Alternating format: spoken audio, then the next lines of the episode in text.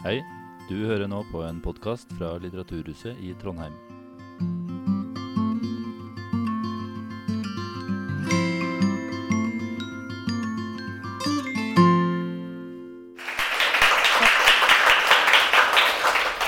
Eh, Ja, hjertelig velkommen til deg, Shazia Majid. Eh, Du er journalist, utdanna økonom. Og i fjor så ga du ut eh, boka di 'Ut av skyggene'. Den lange veien mot likestilling for innvandrerkvinner. Og boka vant Bokhandlernes eh, sakprosapris. Og ble også nominert til Brageprisen og Litteraturkritikerprisen for beste sakprosa i 2019. Stemmer det? ja? Mm. På 70-tallet fikk Norge det som ble kalt den første store bølgen av arbeidsinnvandrere. Unge menn fra Tyrkia, India, Pakistan. Og en av dem her var faren din. Og noen år etterpå så kom mora di hit. Samtidig som vi får lov til å følge mora di sin historie, så jakter du også på litt sånn Tal, Er det noen som står og vil inn, kanskje? Ja, det skal jeg få lov til å gjøre.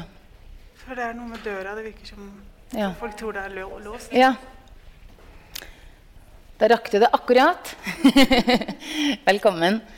Um, ja, vi får høre mora di sin historie, samtidig som du jakter på eh, tall og statistikker og, og ja, fakta som ikke du sjøl helt vet. I den her, eh, i sine, altså det er flere av kvinnene som har samme utfordringer som mora di møtte på. Både her i Norge, men også innafor denne fire veggene. Eh, så når var det du bestemte Eller hvorfor bestemte deg for å skrive boka? Det var eh, 8. mai 2016. um, jeg husker det fordi at um, det, jeg var på vei til Nordiske mediedager i Bergen. Og så sto jeg på Gardermoen og drev og scrolla selvfølgelig da på mobilen min og kom borti en kommentar på Facebook hvor det var en ung eh, minoritetsjente som hadde skrevet eh, noe sånt som eh, Hvorfor har ikke eh, noen gjort noe mot tvangsekteskap før nå? Hvorfor har ingen kjempet denne kampen før nå? Eh, og da Jeg ble så provosert av den kommentaren. Fordi jeg tenkte at um, Ja, men jeg uh, har jo gjort det gjennom det jeg driver med, og det er jo så mange andre som har gjort det, og vet hun ikke det, liksom? Så, så provosert ble jeg da at når, jeg, når det flyet landa i Bergen en time senere, så hadde jeg skrevet hele disposisjonen til boka på en serviett som jeg fant i veska mi. Og, og det er ingen overdrivelse å si at den disposisjonen er faktisk den boka her. Ja. Det er nesten ingenting jeg har uh, endra, i hvert fall i den disposisjonen. Da. Men det, det, det skal sies at når jeg begynte å gjøre research For jeg startet å skrive boka i januar 2017. Når jeg begynte å gjøre research på boka, så skjønte jo jeg at jeg er minst like uvitende som denne unge jenta var.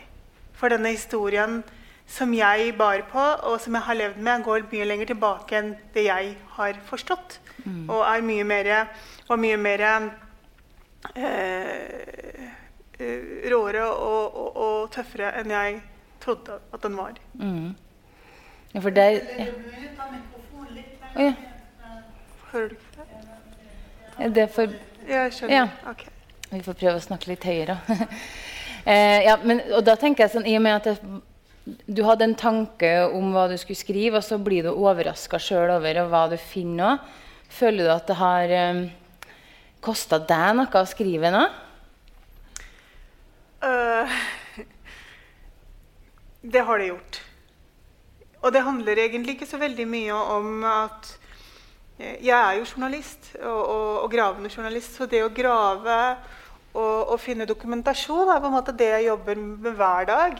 Det som har vært vanskelig for meg, er å bli konfrontert med mine egne privilegier i, nåtid, sammenlignet med hvordan mamma hadde det. Og, og, mammas historie er jo noe jeg på en måte trodde jeg visste, men jeg gjorde jo egentlig ikke det. Fordi alt, Og dette er jo sånne små drypp vi fikk gjennom barndommen, men jeg, jeg klarte aldri å, å, å, sette det i sammenheng og forsto egentlig ikke hvor dyp den sorgen og, og den kampen hennes har vært. Da.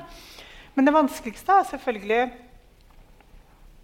at eh, når man er en del av patriarkatet, som jeg jo er, da, så var det en reise i seg selv å, å komme dit hen at jeg kunne skrive denne boka Og komme dit hen at den faktisk blir publisert. Fordi at uh, bare det at jeg skriver denne boka, er jo en type kamphandling på personlig eh, nivå. For, mm. for, for, det er en veldig viktig del av patriarkatet er jo å holde fasaden. Det er jo derfor det patriarkatet kan bestå og bestå. Fordi at man aldri skal si hvordan man egentlig har det hvis man er kvinne. Mm. Og, og um, her løfter jeg jo på sløret, så å si. Ja, så det var tøft. Og du forteller jo en, eh, en eh, sårbar og rørende og varm portrett av mora di. Um, hva syns hun om boka? Det kommer an på hvilken dag ja. det er. Uh, det var er, Som datter er det tøft å, å, være i den situasjonen når du skal fortelle din mors historie. Fordi man har et veldig nært forhold til kilden sin. Eh, som journalist så var det veldig kan, Det var nesten litt kynisk av meg å bruke henne for å, for å, åpne dører til en større fortelling. For det var jo det jeg egentlig gjorde. Men samtidig så var det også viktig for meg at jeg var ærlig. Og, og den ærligheten måtte begynne med meg selv og min egen familie. Så, og, og, men det som er så fantastisk, er at mamma Eh, er med på det. At hun er enig om at det er greit. Eh, men når, når, boka ble publisert, og ingen av oss to hadde sett for oss at noen skulle lese det her, eller at det skulle bli noe stort i det hele tatt. Så når boka først kom ut, og alle oppslagene kom, og alt det der, så ble hun veldig stressa. Og da var det sånn Jeg sa ikke det, og hvorfor skrev du det? Og det så det kommer an på hvilken dag. Men nå, halvannet år etterpå, så er hun eh, bare stolt. Mm. Har du lyst til å lese litt fra boka? Jeg kan gjøre det. Jeg kan eh, begynne med starten av boka.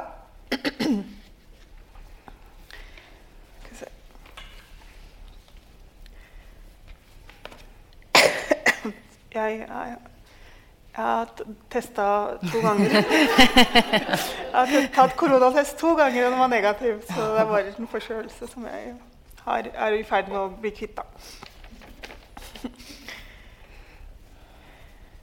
Jeg har satt meg ved det hvite vinduet med sprosser innerst i Karlsborg spiseforretning rett nedenfor Ekeberg-restauranten. Her, fra stambordet mitt, har jeg orkesterplass til Oslo, som strekker seg som en lang skygge innover i Groruddalen. Jeg har nettopp slått ned lokket på PC-en. Lettelsen jeg trodde jeg skulle føle, er uteblitt. Nå som jeg endelig har funnet et falmet bilde av huset jeg og min storesøster ble født inn i, føler jeg bare vemod. 1973 har rykket nærmere. Min mor er ikke lenger bare min mor, men en overveldet 22-åring. Kvinnen til en fremmedarbeider. En skje av fiskesuppen vokser i munnen min. Jeg tvinger den ned, ser meg rundt, kjenner på varmen i lokalet. Varmen i suppen. Det føles feil. Omgivelsene, suppen jeg ikke engang har tatt meg bryet med å sjekke prisen på, kunsten på veggene og den enslige blomsten i vasen på bordet. Jeg vet ikke hva jeg forventet. Jeg vet heller ikke hvorfor det var så viktig for meg å finne huset som ble min mors første ordentlige hjem i Norge.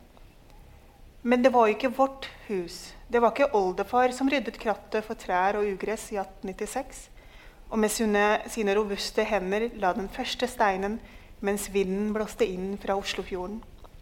Ei heller var det slik at moren min ble født i det bakerste soverommet en julimorgen i 1950, i dette huset som ikke lenger eksisterer, på en adresse som ikke lenger finnes. Men akkurat her jeg sitter, ser jeg på helningen nedenfor Kongsveien, i direkte luftlinje knappe 20-30 meter unna. Om jeg strekker hånden ut av vinduet, kan jeg formelig ta på tretoppene som rager der huset en gang sto. Jeg var på jakt etter kulissene min mors første år i Norge, men fant et tomrom i meg selv som jeg frem til nå ikke visste fantes. Dette behovet for en begynnelse. Kanskje er det de rotløses forbannelse å søke røtter der de ikke finnes. Ha noe som binder dem fast, et tau rundt livet, så de ikke faller utfor stupet mens de løper rundt og fanger sommerfugler så de kan løpe rundt og fange sommerfugler. Slik man i gamle dager bandt fast barn på gårdene langs Geirangerfjorden, utenfor de små husene som fortsatt klamrer seg fast til stupbratte fjellvegger, og som får deg til å lure på hvordan det er mulig å leve der. Så strevsomt, så isolert. Husene som forteller om vandrere som kom litt for sent til å sikre seg et jorde i flatt terreng, der gresset var grønnere, forholdene enklere. Disse som ble forvist til en fjellhylle, men likevel klarte å skape seg et liv og et hjem. Jeg vil gå opp fjellstien min mor gikk. Jeg vil finne lysningen min mor fant. Jeg vil løfte steinene min mor ryddet unna, så jorden kunne dyrkes. Men så er jeg altså blitt konfrontert med min egen privilegerte tilværelse. Hvordan er det mulig at jeg, datter av en pakistansk kvinne, sitter her i dag som journalist i Norges største avis, i ly for vinden og kulden? Vi er uløselig knyttet til våre mødre. Deres innvandringshistorie er vår norske historie. Deres fortid er vår arv, deres valg vår bane. Derfor var det viktig å finne huset hun bodde i, finne begynnelsen, finne kvinnen bak rollen.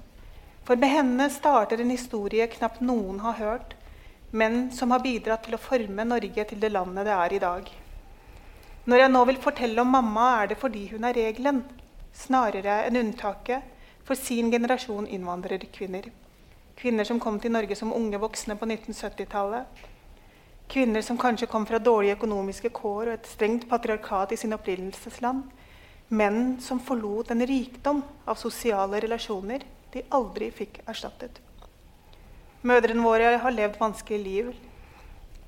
Likevel har de oppfostret en generasjon døtre som i dag topper utdanningsstatistikker og blir legere, leger, dommere, advokater, lærere, psykologer, journalister, forfattere, aktivister, debattanter, stortingsrepresentanter og ministre. En ny generasjon norske kvinner som i stadig større grad bryter lenker, utdanner seg utradisjonelt, gjør karriere, gifter seg med den de ønsker, taler patriarkatet midt imot og definerer sin egen kvinnekamp. Min mor og kvinner som henne har kjempet en tøff kamp, dratt mellom rigide, mannsdominerende tradisjoner og kulturer på den ene siden og den moderne velferdsstatens krav på den andre. Vi som er så heldige og har hatt slike mødre, bærer i oss deres dype fortvilelse og gnistrende håp. Deres liv har formet våre liv, og deres blikk har formet vårt i møte med det norske samfunnet, feminismen og patriarkatet. Derfor må vi tilbake i tid før vi kan gå fremover. Takk. Du skriver 'finne begynnelsen'. Eh, hvordan, var, hvordan var det livet til innvandrerkvinner når de kom til Norge? Hvordan var det for mora di? Ja um, Man tror jo man vet alt da, særlig jeg som barn av uh, innvandrere. Men så, men så, gjør man ikke det, altså. Før man setter seg ned eh, med moren sin og spør Men hvordan var det egentlig? Husker du, husker du været? Husker du Hvor kaldt var det? Hvordan visste du hvor mange grader det var? Altså sånne ting. da. Og så um, åpner det seg bare en sånn verden som du ikke visste fantes. Uh, og det jeg oppdager, er jo at uh, disse kvinnene Mamma var jo litt spesiell, for hun kom til Norge som, uh, som arbeidsinnvandrer. De fleste kvinnene kom som familiegjenforente. Så det var ektemennene som kom, og de kom jo i en bølge bølge med innvandrere i 1971. Det var jo ikke mange, det var noen hundre, men det var en sensasjon. Eh, på den tiden. Og så er jo de kjempedriftige. Og, og, og veldig, de er arbeidsjern, så de tar alle jobbene de får. Bor eh, skikkelig dårlig, blir utnytta eh, av um, alle som kan utnytte dem. Og det er både arbeidsgivere og, og boligeiere eh, osv. Et, et forferdelig slit. Og i, i, i um, under den tiden da, velger pappaen min å eh, Fordi han er så forelska i mamma, så vil han ikke vente på noen familiegjenforening. Det tar år og dager, sånn som det gjør i dag. Og det, det, Dette skriver jeg mye om. Eh, og det, for, det, er vanskelig fordi at man vil ikke ha kvinner, for kvinner var ikke eh, det ultimate menneskematerialet, eller hva det var. Jeg har jo sitert, Det er en mm. sitat fra den tiden. Det er mye absurd som skjedde den gangen. Um, så, så pappa, pappa, skaffer henne et arbeids, eh, en arbeidskontrakt. Så kommer mamma 22 år gammel. Aldri vært utafor huset sitt sånn eh, i Pakistan. Kommer fra en kjempestor familie, eh, levd et veldig beskyttet liv. Et, et, liv i patriarkatet, men et veldig fint beskyttet liv. Så, det er jo første gangen på, på flyplassen hun tar av seg burkaen. Mm. Eh, og, og, er super eh, Eh, hun ser veldig frem til det. Hun er selvfølgelig lei seg, men var, de var nyforelska. Mamma og pappa var nygifte og nyforelsket.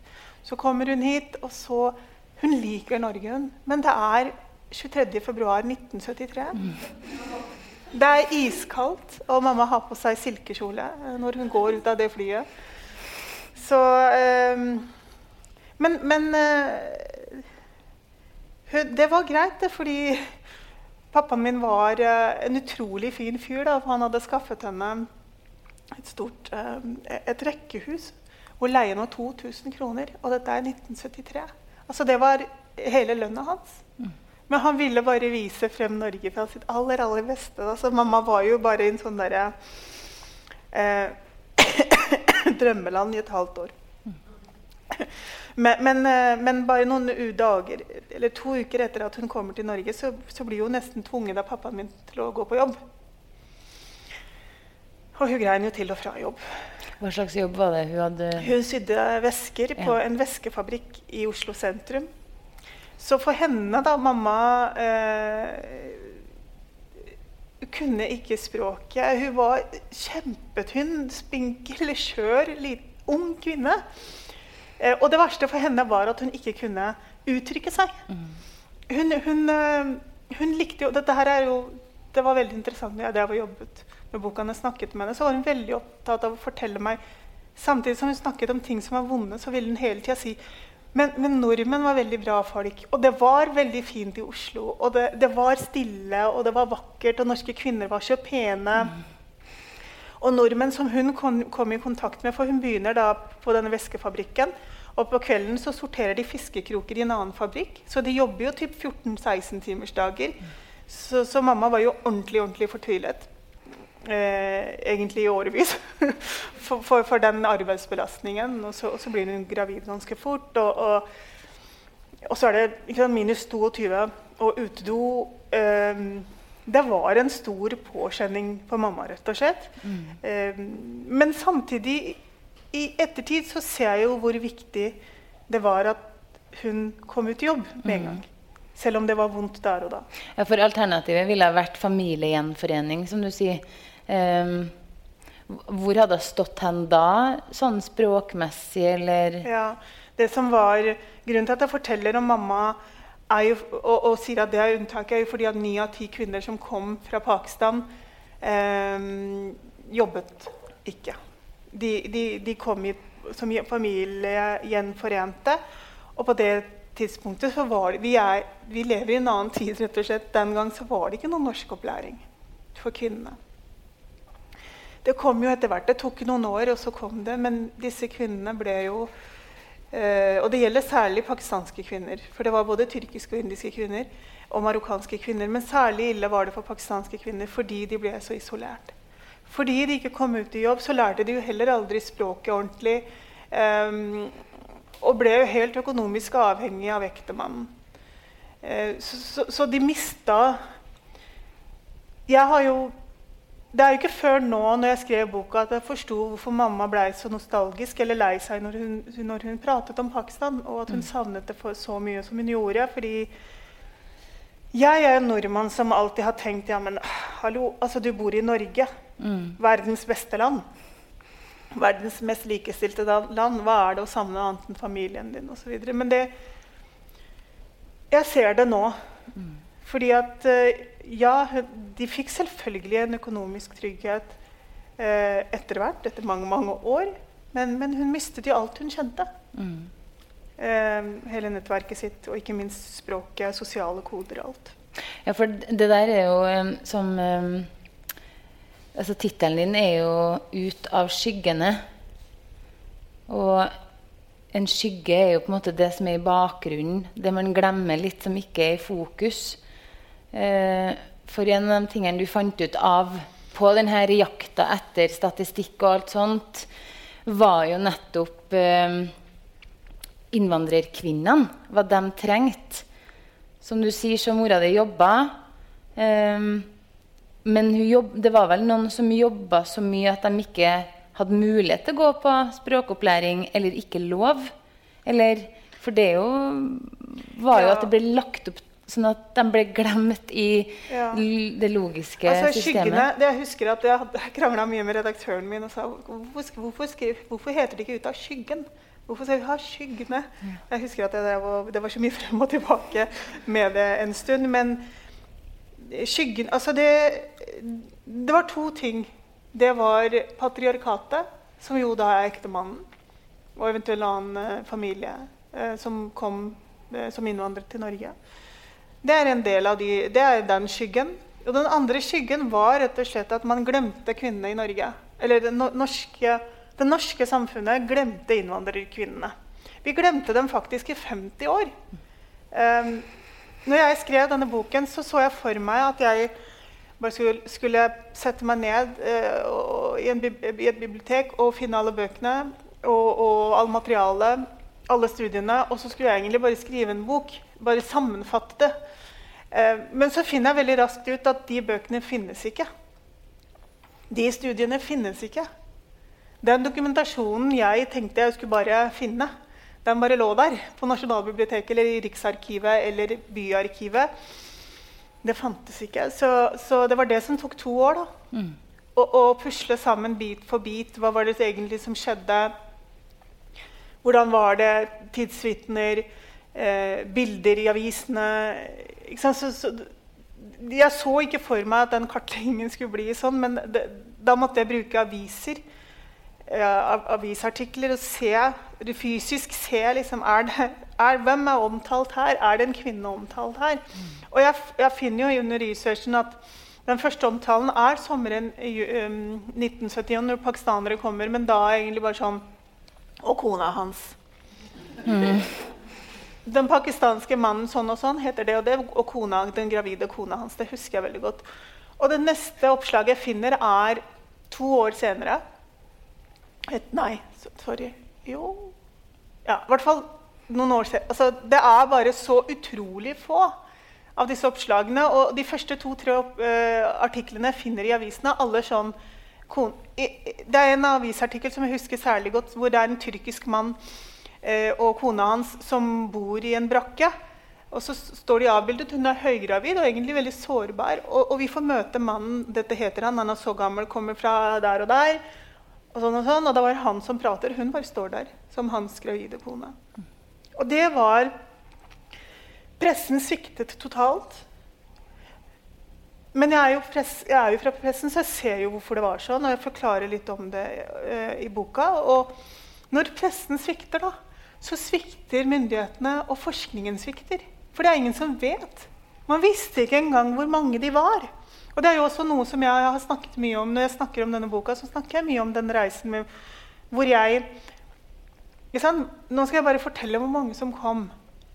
1971. Og så bruker jeg uker og måneder på å finne ut hvor mange det var. For det er det ingen som har notert noen sted. Så, så det var veldig beskrivende og illustrerende for hvordan eh, disse kvinnene ble behandlet eh, av det norske samfunnet. Og det er jo Jeg må understreke at det er veldig lett å være etterpåklok. etterpåklok.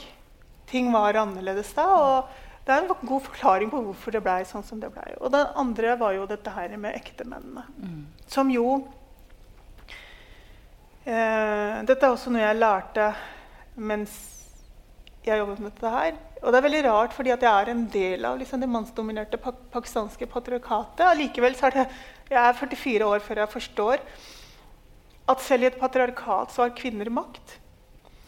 At mammaen min og hennes mor og hennes søstre hadde en form for makt i Pakistan.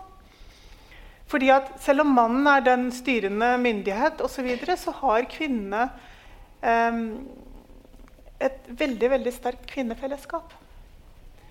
Og de stiller opp for hverandre. Og, og, og de eh, mobiliserer eh, familien sin hvis det skulle være noe. Så hvis mannen, mannen hennes slår henne, så mobiliserer hun hele familien sin. Hvis han føder hun barn, så er hele kvinnefellesskapet der. Hun er ikke alene. Og så, og så ble disse kvinnene bare da revet opp fra, fra den tilværelsen, og så da bare prisgitt ektemannen. Som bare fikk en enorm, makt over dem. Så, mm. så, de ble jo mer undertrykt enn paradoksalt nok enn de var uh, ja, De taper hele som, sosiale nettverket sitt når de flytter fra Pakistan. Hva, hva vinner de ved å komme til Norge? Ja, jeg øh, I det, det, spørsmålet Mens jeg var jobbet med det, så ble jeg jo bare mer og mer deprimert. Uh, og så måtte jeg innom mamma flere ganger for, for, å komme meg ut av det. For jeg syns det var tøft å, å gå tilbake i historien å se disse bildene og se disse artiklene og se rasismen og, og, og, og alt det der. Og så, og så, måtte jeg prate med mor, og så var hun alltid sånn Ja, men det var alt verdt det. For her sitter du og skriver denne boka. Og her er søstera di, og hun gjør det. altså, Mødrene våre har levd sine drømmer gjennom barna sine. Om det er jenter eller gutter, da. Mm. Eh, det mamma vant på det, var jo eh, økonomisk trygghet og en fremtid for barna sine. Mm. Det savnet hun har etter det hun tapte, det, det, har hun levd med i 50 år. Men hun har jo faktisk lagd, lagd seg liv i Norge. Um, og så var jo mamma, Fordi mamma jobbet, så fikk jo hun norske venninner.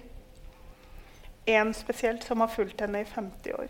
Uh, så det som også har vært et viktig prosjekt for meg med Ut av skyggene, er å vise at um, vi har et forenkelt syn på, på innvandrerkvinner som stakkarslige ofre uten eh, Nærmest som pappfigurer, uten nyanser. Men så ser man hvilken enorm kraft det var i dem, mm. som på tross av alt det her da, klarer å skape seg et liv i Norge. Eh, det krever ekstremt mye når du ikke kan språket, og barna dine lurer deg trill rundt hele tida fordi du ikke kan så godt norsk osv. Men allikevel så klarer du å oppfostre en hel generasjon kvinner da, som da gjør det så enormt bra i dag. Og, og, og min, jeg argumenterer jo for at det er, at det er pga. mødrene. Fordi det de eh, Mamma sier jo det at det jeg ikke fikk lov til, og det jeg ikke kunne gjøre, det skulle dere få lov til å gjøre. Og så var hun veldig opptatt av at jeg vil, jeg vil ikke at du skal ha det sånn som meg. Og det handlet, det handlet både om penger, men det handlet også om personlig frihet. Frihet til å gifte meg med den jeg vil, frihet til å studere og, og bli noe. Mm. Hun, var, hun, var, veldig opptatt av altså det er Noen av de første minnene jeg har, er at mamma sier til meg at Sier til oss, da, meg og søstrene mine, 'Jeg vil at dere skal bli noe'. Og hun var så ekstremt streng på skole. Mm. Så derfor, derfor, ble jeg noe. jeg hadde ikke noe valg. Det som jeg syns var eh, så kult gjort si, med boka, er at du sammenligner det med mm, Amtmannens døtre. Ja. Og det eh, Nå skal ikke jeg skryte meg lest den sjøl. Jeg har studert litteratur, burde ha lest den. Den er oppe på boka. Det er så mange andre klassikere jeg har lest, men den, eh, den er på lista. Men jeg forstår likevel den her eh, Fordi det er eh, så nærmere å forstå liksom, Vi skjønner så mye mer Amtmannens døtre, og, det er vår rot og røtter bak her. Så det viser seg at det er så likt. Det er bare at eh, det, er på, det, er liksom samme problemene på forskjellig tid. Mm. Det er det eneste som skiller, mm. skiller oss fra dem. Det var eh, Det ble veldig viktig for meg. Og det var egentlig ikke sånn det begynte, at vi har, vi, vi har noe felles. Eh, en felles kvinneerfaring, bare at det er eh, hopp i tid. da. Det begynte med Camilla Collett for meg. Fordi at eh, mens jeg drev og gjorde Jeg tror ikke jeg hadde begynt å skrive den engang, men jeg ville lese. Jeg, jeg, fordi mamma er mamma, og hun har oppdratt meg sånn. Da, så når jeg skulle skrive bok, så skulle jeg gjøre det ordentlig. Så jeg begynte på kjønnsstudier på universitetet. da for, for, å skrive denne boka. Um, det tok bare ett semester, da, for jeg jobba jo heltid på, i VG. Og Det var sånn jeg kom borti Camilla Collett, og, og, og, så ville jeg lese 'Amtmannens døtre', og så begynner jeg å lese, og så bare Jeg tror jeg er fem sider inn, så er jeg bare sånn Oi! Dette er jo, min, dette er jo oss. Dette er jo mamma. Dette er jo min familie. Og jeg visste ikke. Og jeg er også den som ikke jeg vet ikke, jeg tror ikke vi leste det på skolen. Nei. Jeg kan ikke huske det. Men for, for meg så var det en stor åpenbaring. Og, og, jeg fikk en sånn uh, sterk uh, bånd til Camilla Collett. Som om hun var min e egen. Mm. Fordi at vi hadde så felles erfaringer. Og, og, det er da jeg oppdager at selv om dette er kvinner fra to forskjellige kontinenter to forskjellige tidsepoker så er, har vi en felles kvinneerfaring. Mm. Um, og det var en veldig sterk opplevelse for meg. Og jeg husker at uh, jeg satt og jobbet mye på Nasjonalbiblioteket, og der ute så er det en liten byste av Camilla Collett. Så jeg måtte ta på hodet hennes hver gang jeg gikk inn, hver gang jeg gikk inn i forskersalen. Hver dag. Uh, og jeg, jeg, uh, jeg er bare veldig opptatt av at vi som kvinner da, skal forstå det at du trenger ikke å gå så veldig langt tilbake i tid for å se at sånn var det også i Norge. Og det handler om hvilke skritt vi tar det, vi har tatt for, for, for, å ha den likestillingen vi har i Norge i dag. Det er så lett å glemme når vi i dag har kvinner som vil tilbake til kjøkkenbenken. Eh, eh, eh eller på en måte lar seg forsørge av ektemannen sin, så blir jeg opprørt fordi jeg tenker på den kampen norske kvinner har kjempet i 150 år. Jeg tenker på Camilla Collett, og jeg syns det er et svik på at vi lar oss At vi gir fra oss de, de, de, frihetene som har skaffet på en så vanskelig måte. Og så bruker jeg også Camilla Collett fordi at kampen begynner hjemme. Og for disse innvandrerkvinnene, altså mammagenerasjonen, så sto mammagenerasjonen der hvor Camilla Collett sto i 1850. Ikke sant? Det er Også Amtmannsdøtre handler om eh, det helt nære forholdet mellom kvinnen og nærmeste mannen. Eller kvinnen og familien. Den eh, ønsket om å kunne utdanne seg. Den derre personlige friheten. Da. Der sto innvandrerkvinnene. Eh, fordi at Norge, I Norge så var vi jo i full gang med, med likestillingskampen. Eh, så, så innvandrerkvinner ble plassert Det ble en veldig underlig Det er derfor det har tatt 50 år. Altså, det er derfor det er så vanskelig. Fordi at vi fikk ikke den naturlige gangen i at du kjemper hjemme, kjemper mot faren din eller mannen din får deg en utdannelse, og så skjønner du at jeg vil også jobbe. Så skjønner du jeg vil ha barnehage, um, abortrettigheter osv. For, for disse kvinnene så var det de kom til dekka bord, og så var det helt stengt inne hjemme. Det ble Tida frøys på en måte mer som uh... Det ble enorme kontraster. Ja. Det, du har egentlig litt sånn svart på mitt neste spørsmål. for sånn som jeg hadde lagt opp, at, og det har du i boka di òg. Du har to kapittel. Det er mødrene og så er det døtrene. Og vi har jo snakka mye om mødrene nå. Eh, og hvis man tar liksom den fokuset på døtrene, hva er det døtrene har lært av mødrene? Og det er jo litt det du sier, at man ikke skal tilbake til kjøkkenbenken nå. Jeg tror eh, Jeg ser i hvert fall for min del, og, og mange kvinner i min generasjon, så, så, ser jeg jo på en måte hvor, ut, hvor utrolig vanskelig det, det, er å bryte ut av patriarkatet. Og, og, og hvor og det, er, det, som har særlig gjort inntrykk på meg, er jo å se viktigheten av arbeid. Hvor, hvor, jeg ser hvilken retning livet til mamma tar. Og hvordan det at hun tjener egne penger Nå tok jo pappa lønna hennes. Mm. Alltid. I mange, mange, mange år. Hun var tenåringer når hun fikk lommepenger. Og hun jobbet veldig mye. Mm. Um, men Og det er urettferdig. Men så var hun ute. Hun klarte å forstå litt mer av det norske samfunnet. Hun hadde da Rita som bestevenninne. Uh, hun så de gode verdiene i Norge, hvilke muligheter som fantes her. Og så, og så fikk vi de av henne. Mm. Og, og, hun presset oss og, og, og, geleidet oss. Og det var alltid hun som stilte opp på foreldremøter. Så, så det, og det er fordi hun jobbet. Um, og også når pappa det, det, er, det, er, jo en, Pappa kom og gikk ut av livene våre. Og da var det mamma som holdt liv i familien. Det var hun som forsørget oss. Mm. Ikke sant? På den andre siden, hvis, hvis du aldri har vært utafor leiligheten din, eller utafor eh, din familie hadde aldri lært deg norsk, uh, ikke lært deg sosial Du er helt avhengig av ektemannen din. Og når han ikke er der, så er det sønnen din eller dattera di som skal ta deg med til legen og forklare til legen hva som feiler deg. Privatlivet ditt er borte. Du, er, du mister autoritet over dine egne barn.